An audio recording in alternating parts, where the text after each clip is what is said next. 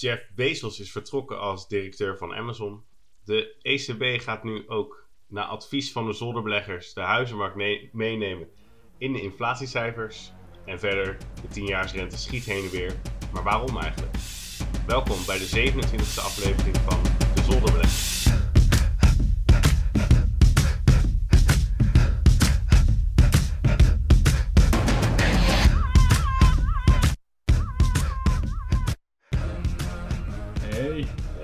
Hey. Hey. Hey. Nou jongens, eh, we, we zitten weer fysiek bij elkaar. Misschien ook weer voor, eh, voor de laatste keer in een tijd als we zo de besmettingscijfers zien. Maar daar komen we misschien nog later op terug als we het over de bond yields gaan hebben. Hoe hebben jullie portfolio's het gedaan? Wat, Julian, heb- wat hebben de bond yields met de besmettingscijfers te maken? daar komen we later op terug. Daar komen we later op. Mijn portfolio. Ja. Ik heb net eh, voor het eerst deze week eh, mijn, eh, mijn app geopend. Maar ik heb wel beleggen met Ome Duo deze week trouw gevolgd. Oké. Ehm, want ik weet ongeveer wat er met mijn portfolio gebeurd is als ik eh, aan het einde van de dag zie wat eh, bij jou in de plus en de min staat. Want ik let altijd op twee aandelen die jij al hebt geplaatst. Ja, En Nano Dimension? Ja, en dan weet ik ook hoe mijn portfolio het gedaan heeft. Dus donderdag viel mij op dat Nano Dimension en eh, Nio allebei wat hits hebben gehad. Ehm, dus ik heb best wel een slechte week gedraaid. Ehm, maar ja, al, al met al eh, sta ik nog steeds eh, een respectabel aantal eh, procent in de plus. Netjes. En bij jou Jelle? Ja, ik heb wel een mededeling. Ik heb eh, Oh ja, na, na een tijd weer wat aangekocht. Ik werd een beetje geïrriteerd van mijn grote cashpositie. weet Jan het? Nee, Nee, volgens mij niet. die heb ik wel gestuurd. Echt waar? er zijn nog leuke, leuke, leuke aandelen. Oh, De, de- zover de interesse? De Nederlandse trots, Just Eat Oh, Takeaway oh, heb je die gekocht? Dat wist ik niet. en, Dat is wel. en Prosus. nee, je hebt nog meer gekocht. AMC. Ja. AMC heb ik ook wat van bijgekocht inderdaad. eh, rond de 40 toen die ging dippen dacht ik, nou ik koop nog wat bij. Eh, we zitten de rit uit met AMC. Verder misschien nog Prosus een beetje toelichten. Die zijn hard geraakt natuurlijk. eh, ja, toen de Chinese autoriteit weer de, de teugels ging aantrekken bij de taxiservice Didi, die eigenlijk net ge-IPO'd had. En die werden vervolgens meteen weer teruggetrokken door de Chinese autoriteit van nou, dit vinden we eigenlijk niet zo leuk. We gaan een onderzoek naar jullie starten. Eh Proces heeft er niet heel veel mee te maken, maar Tencent wel. Is ook een groot Chinees bedrijf. En zoals jullie waarschijnlijk wel weten, heeft Proces een groot belang in Tencent. En daardoor, het is een beetje een rare constructie, maar daardoor is Proces eigenlijk op de, op de markt met een flinke korting. En het steeg nog meer, dus ik dacht, nou, mooi moment om een keer Proces in de boot te houden.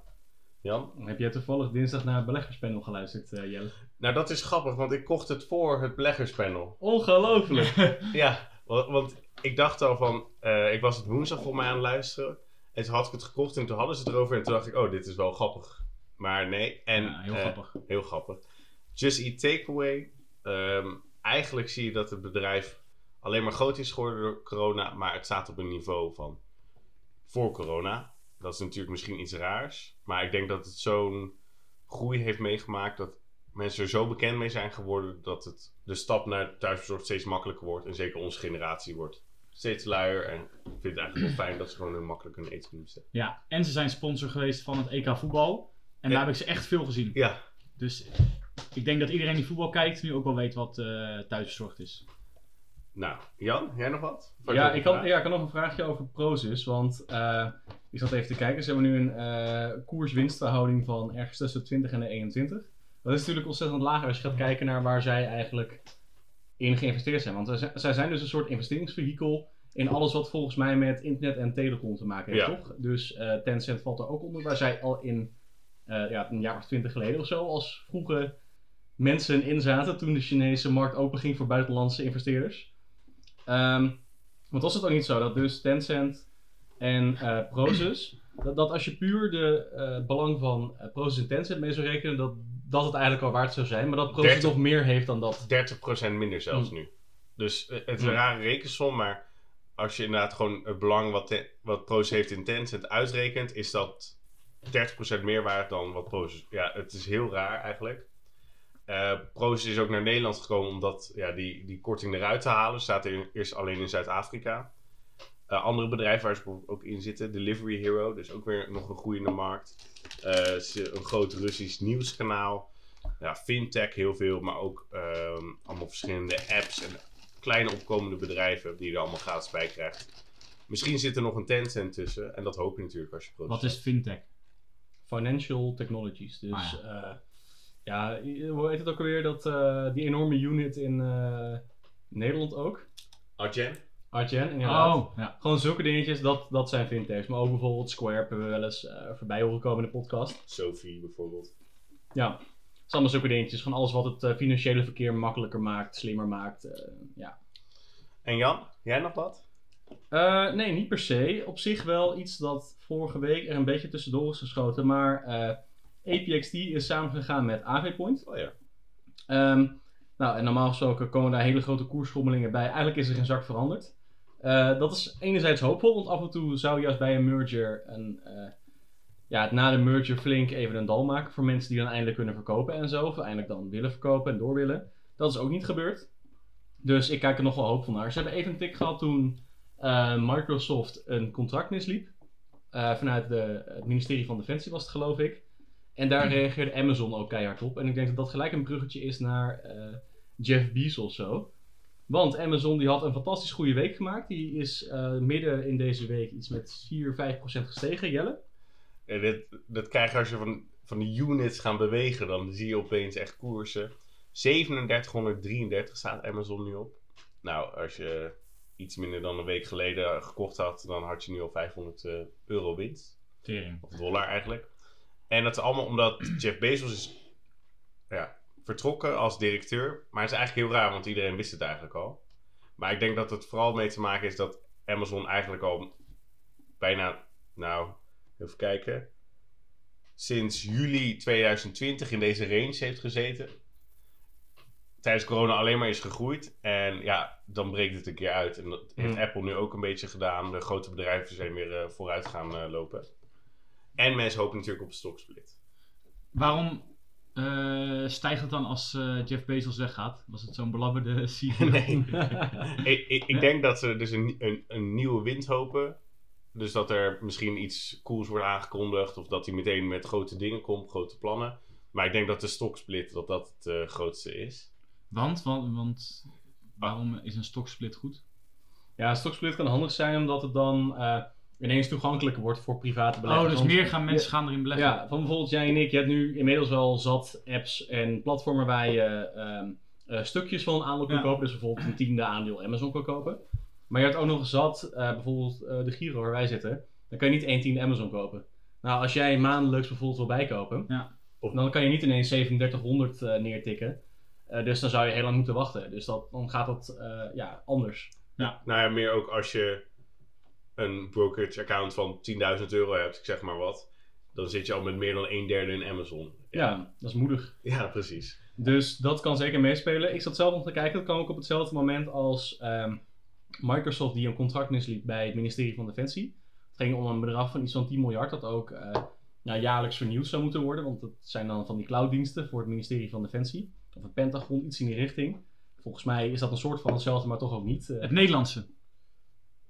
Nee, eh. VS. Oh, Die hebben iets meer geld. Ja, ik denk dat het Nederlandse ministerie geen 10 miljard kan eh, missen voor een clouddienst. Ik dacht al, want- Gezegd. eh, in- bij het ministerie werkt ze niet met eh, Microsoft. Met de cloud. Ook Oh. met cloud. Maar Inside ehm. Inside. Julian heeft er hoogstpersoonlijk mee gewerkt. Ehm, ja, en nu gaat natuurlijk de topman die eh, voorheen eh, AWS, de clouddienst, eh leidde eh, de top in. De, de absolute top, ja, dat is natuurlijk al, hij was eigenlijk al een soort van rechterhand. Eh, en dat is toch wel een beetje de cash cow van Amazon, dus ik ben benieuwd wat daar eh, mee gaat gebeuren. Dus dat kan ook zeker iets zijn geweest dat eh, meespeelde. Ja, wel bizar, want dat heeft gewoon een market cap van, wat is het, 1,7 eh, biljoen. En dan stijgt zoiets gewoon 5%. Dat, ik, vind dat echt, ik vind dat echt absurd. Dan stijgt zoiets gewoon bijna 100 miljard. hebben, we vaak, eh, hebben we het vaak Ja. over gehad. Een, een mooi fenomeen. Een mooi fenomeen. Dan eh, is Jeff, Jeff Bezos ook weer de rijkste man eh, van de wereld volgens mij. En is een mooi moment om door te gaan naar de 10-jaarsrente. En Julian vroeg het al, eh, wat heeft corona daar nou mee te maken, Jan? Ja, eh, dat heeft daarmee te Oh. maken omdat het afgelopen eh, paar dagen, hè, niet alleen in Nederland, maar op eh, meer plekken in de wereld, de Delta variant eh, zijn opmars maakt. En de Lambda variant. De- en eh, de, de Lambda variant, ja. waar, waar kwam die ook alweer vandaan? Peru. Uit Peru, oh de, de Andes. eh, En de ja. variant ook, die komt ook uit de Andes. Binom PDF.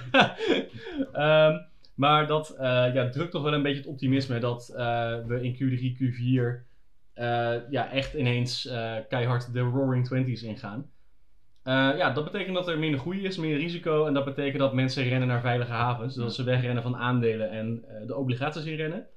En als een prijs van een obligatie stijgt en die geeft een vast bepaald dividend uit. Ja, je noemt het geen dividend, maar dat is de yield van een eh, obligatie. Is een yield, is dat het tegenovergestelde van obligatie? Van, de- eh, van een dividend? van- nee, het is de, dit is de koers. Oh. Dus als bijvoorbeeld een aandeel 100 is met een eh, yield van eh, 10%. En het, eh, de obligatie zou verdubbelen, die gaan, zou naar 200 gaan, dan Ja. zou de yield naar 5% gaan. Want die yield is als het ware een absoluut constante. Oké, ja. Dus daarom, als ze, als ze vallen, dan gaat het juist omhoog. Het is eigenlijk een soort van Ja. trucje die je altijd in de gaten moet houden. Exact. Oh, dus als is, mensen... is dat hoe short werkt? Of niet? Nee. Nee, nee. Nee, Maar als de- nee, laat- laat maar. Als dus de yield daalt, dat betekent dus dat mensen keihard obligaties aan het opkopen zijn. En als mensen veel liever obligaties willen hebben dan aandelen, betekent dat mensen minder risico willen nemen omdat ze weinig vertrouwen hebben in de toekomst. En dat komt dus door hè, de corona-opleving. Ik eh, snap het. Dus het cirkeltje is weer rond. Dit ga ik nooit doen. dus dat. Ja, eh, ik zie trouwens wel vandaag, en dat is wel interessant, eh, vandaag is de 10-year bond yield, die staat met een goede 5% in de plus.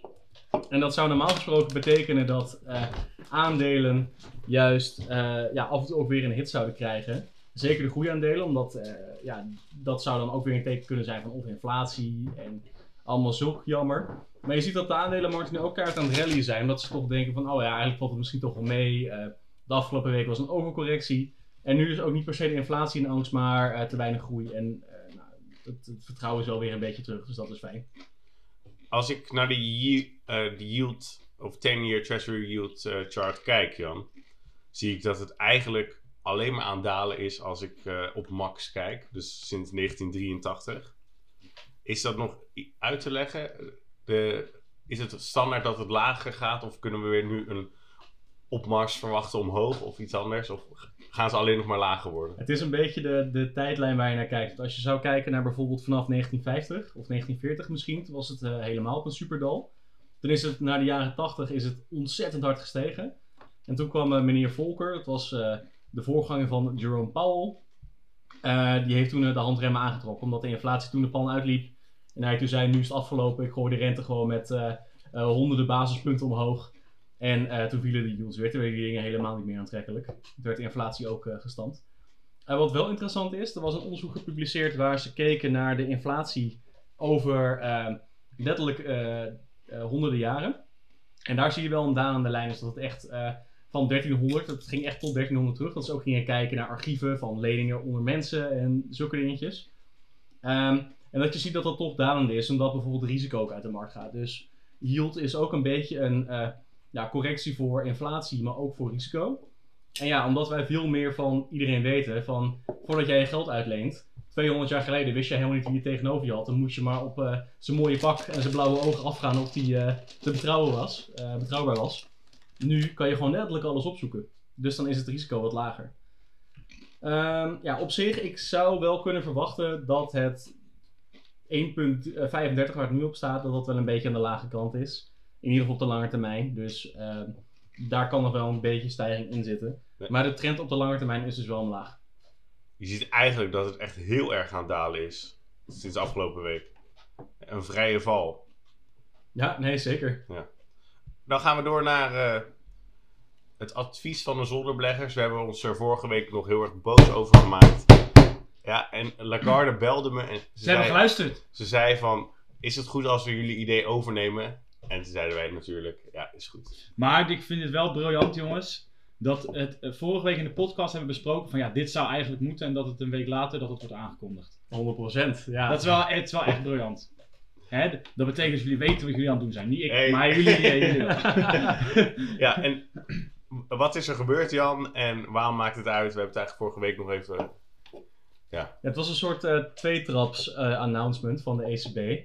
Want eerst was een, eh, ja, een vrij epische vooruitgang dat ze hun ehm, ja, soort van target van inflatie aanpasten sinds eh, ja, twee decennia terug. Dat is dat ze niet meer mikken op eh, stabiel en net onder de 2%, maar dat ze mikken op 2%. Nou, dat betekent dus dat de ECB de inflatie een beetje op wil laten lopen. Dat is eh, ja, natuurlijk een, een, heel groot ding, want dat bepaalt heel veel voor het monetair beleid. Eh, vervolgens kwam halve dag later, ik weet eigenlijk niet of het uit dezelfde speech was, dat het later pas op werd gepikt of dat het een later bericht was, dat weet ik eigenlijk niet. Maar dat ze dus ook de huizenprijzen deels mee gaan tellen in de inflatieberekening. En waarom vond ik dat nou gelijk zo interessant? Van, ja, dan kunnen ze wel nou, bijvoorbeeld niet meer op 1,7 mikken, maar op 2% inflatie. Als ze huizenprijzen meten, dan betekent dat je in Nederland gewoon direct aan het overshooten bent als je kijkt naar de huidige prijsstijgingen. Want deze week kwam ook naar buiten, en dat is ook weer een mooi linkje, dat het record blijft regenen op de oververhitte huizenmarkt in Nederland. En dat je nu, we moeten er nog even voor doorbeleggen, maar gemiddeld 410.000 euro betaalt voor een woning. Het loont dus gemiddeld meer om een jaar lang een huis te bezitten dan een jaar lang te werken. Voor Jan Modaal wel. Voor Jan Modaal, ja. ja. Helaas hebben wij nog geen huis. Nee. Nou, absurd. Je zag ook zoiets voorbij komen dat de prijs van een gemiddeld huis met 6000 per maand stijgt. Nou, dan, dan kunnen we zolang onze koffie thuis blijven zetten in plaats van buiten huis blijven halen. Daar kan je niet tegenop sparen en ook niet tegenop werken. En het is de snelste stijging ooit sinds de metingen. De metingen gaan eigenlijk pas vanaf 1995. 1995. Dus dat valt nog mee. Dat valt nog mee. Ehm, even kijken. Appartement is relatief het goedkoopst. 344.000 euro plus 20% afgelopen jaar. Vrijstaand 618.000 euro, 23,4%. Wij wonen in Utrecht, dus daar kan je nog wat oprekenen misschien. Nee, niet. Nee? Ja, in Utrecht was een lagere In, prijsstijging. eh, in de grote ja. steden stijgen de huizenprijzen relatief lager. eh, omdat, minder- ze, omdat ze al veel sneller gestegen zijn. De, de, Hmm. de groei is er al uit. Je betaalt natuurlijk nog, nog Ja. steeds meer hier dan in Flevoland. Nou, ik geloof eh, Amersfoort ongeveer, zeg maar. Dus wel de, de- ik denk Haarlem, Amersfoort. Weet je, aantrekkelijke steden die niet de grote vier zijn, dat zijn de steden die... De grote stijgers. Ja. Het is natuurlijk wel van ja, als je kijkt naar een procentuele stijging van 10% in Utrecht, kan meer zijn dan 15% in Midden-Limburg. Ja. Dus eh, ja, over absolute aantallen gesproken is Utrecht nog steeds hartstikke duur. Ehm ja, dit, dit is wel een beetje om eh, moedeloos van te worden als je starter bent op de woningmarkt natuurlijk. Want ja, ik zou bijna denken, dat, ehm, ja, volgens mij is grond dan eigenlijk ook gewoon duur. Je zou Ja. bijna denken van koop gewoon een lekker een kaveltje in eh, eh, het oosten van de provincie of in West-Gelderland of zo. Ja. Maar ja, als dat Maar- ook al duur is, Dit is dus waarom je een wooncoöperatie moet starten. Het zonnetje. het zonnetje. Het zonnetje.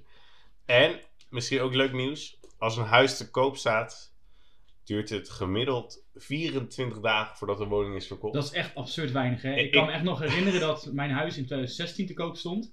Jaren, jaren. Geen hond die En uiteindelijk 50.000 onder de vraagprijs, hè? Onder Nou, de vraag. Ja, en onder de- dan had, eh, als ze vijf jaar hadden gewacht, dan hadden ze gewoon een half miljoen gekregen voor dat fucking huis, hè? ik, En denk, met lekkage. Ik denk ook.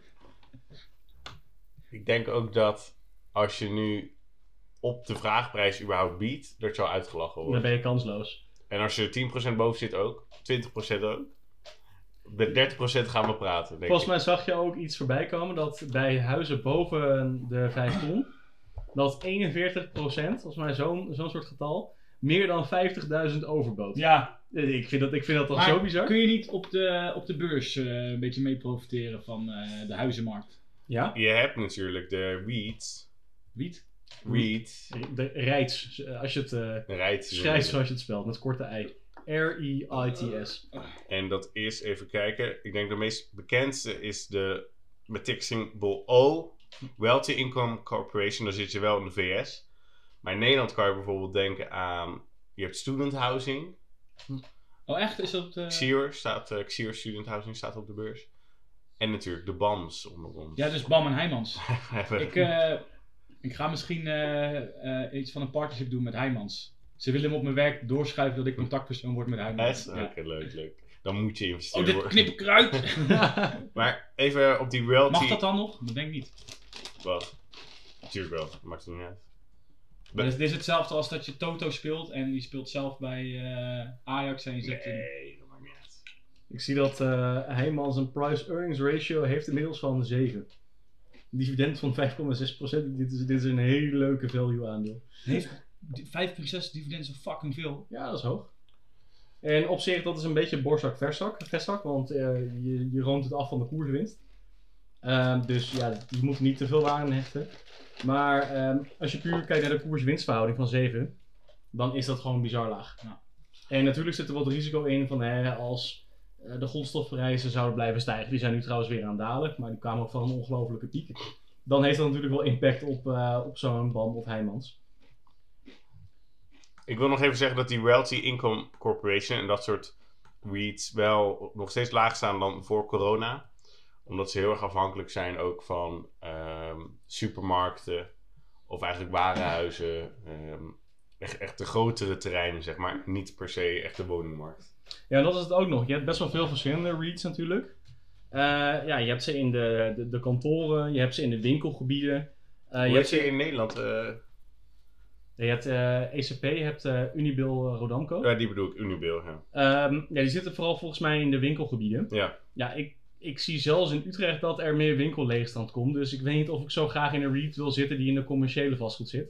Ja, maar ja, residentieel vastgoed, dat, dat is nog wel iets waar ontzettend veel vraag naar is.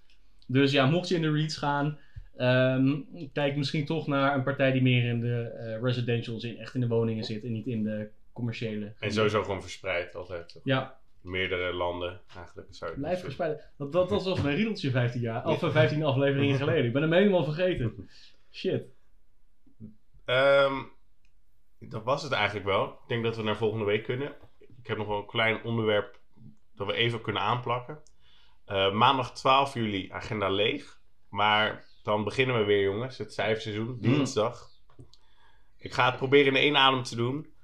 Ehm, Wells Fargo, Bank of America, JP Morgan, PepsiCo, Goldman Sachs en op dinsdag de CPI-data van juni. Dan woensdag Johnson Johnson, Coca-Cola, Verizon, maar ook ASML. Nederlands trots natuurlijk. Ehm, donderdag de werkloosheidscijfers. Ook TomTom, natuurlijk een gewild aandeel met hun kwartaalcijfers. AT&T, American Airlines, Morgan Stanley en Domino's. Je ademde. Ja, sorry. En vrijdag 16 juli is de agenda weer leeg. Dus ja, we beginnen weer met grote banken en de CPI-data. Ehm, grote banken die gaan het weer een beetje bepalen natuurlijk. Ik denk dat niet heel veel mensen echt op Coca-Cola of Pepsi of A nou, ASML wel, maar Dit zijn gewoon echt de grote jongens van de Ja. Dow Jones die even komende week de, de stoomboten van de oude wereld eh, die voorbij komen. En ik zeg oude wereld omdat dat eh, ja, toch wel de aandelen zijn die misschien in de jaren 80 en 90 echt eh, alles bepalend waren. En nu nog steeds heel groot zijn, maar misschien ietsje minder. Eh, ja, ik kijk toch weer ontzettend uit naar de banken die in Q1 het echt fantastisch deden natuurlijk. Ehm, dus daar kijk ik wel zeker naar uit. ja, maar ook omdat het dus weer die graadmeter is voor de algehele economie. Ja, en die CPI-data, want eigenlijk moeten we nu weer een soort van daling verwachten, een soort van knik. Want we hebben niet meer de extreme lows die we hadden vorig jaar, maar de olieprijs is natuurlijk ontploft. Eh, OPEC heeft weer ruzie, dus er gebeurt weer niks. Maar Dan, dan stijgt het toch? ja. Ja. En daarom, die olieprijs is echt flink gestegen. Auto's misschien weer in de Verenigde Staten, ik weet niet hoe de rest. Maar ik denk als die hoog uitvalt, dat het nog wel kan tegenvallen volgende week op de beurs. Laten we hopen van niet. Laten we hopen op geweldige bankcijfers en een CPI dat nogal acceptabel is. En dan eh, gaan we een mooie week tegemoet, denk ik. Ja, ik bedoel, een hogere CPI is voor mijn eh, small cap value gewoon prima hoor. Ja. Dus, eh, nee, maar ik snap dat voor jouw portfolio dat wel een vervelende hit kan zijn. Dan denk ik dat dit hem wel was. Dat denk ik ook. Ja. Volgende week zijn we er wel nog met een aflevering, vraagteken. En anders komen we met een special. Ja, want de zonnebeleggers zitten misschien te kijken naar een paar weken zomerstop. We gaan namelijk eh ons de beurt eh, op vakantie lijkt het. Dus we moeten even kijken wat, eh, wat het beste uitkomt. Op zich, het zou natuurlijk wel heel leuk zijn. Jelle heeft net de komende week aangekondigd. Daar valt heel veel over te zeggen. Dus ja, misschien dat we eventjes iets eerder in de week al een opname kunnen doen. Dan niet alles mee kunnen pakken, maar wel iets. Ja, en anders kunnen we ook een vervangende zolderbelegger. We kunnen ook Hes gewoon vragen. Die, eh, Hebben we een GameStop aflevering? ja, dan hebben we een dat is games wel leuk. aflevering. Ja. Kunnen- we, we, we vinden wel iets. Pakken we even daar erbij. Ja. Helemaal goed. Hey, joe. Joe! Joe.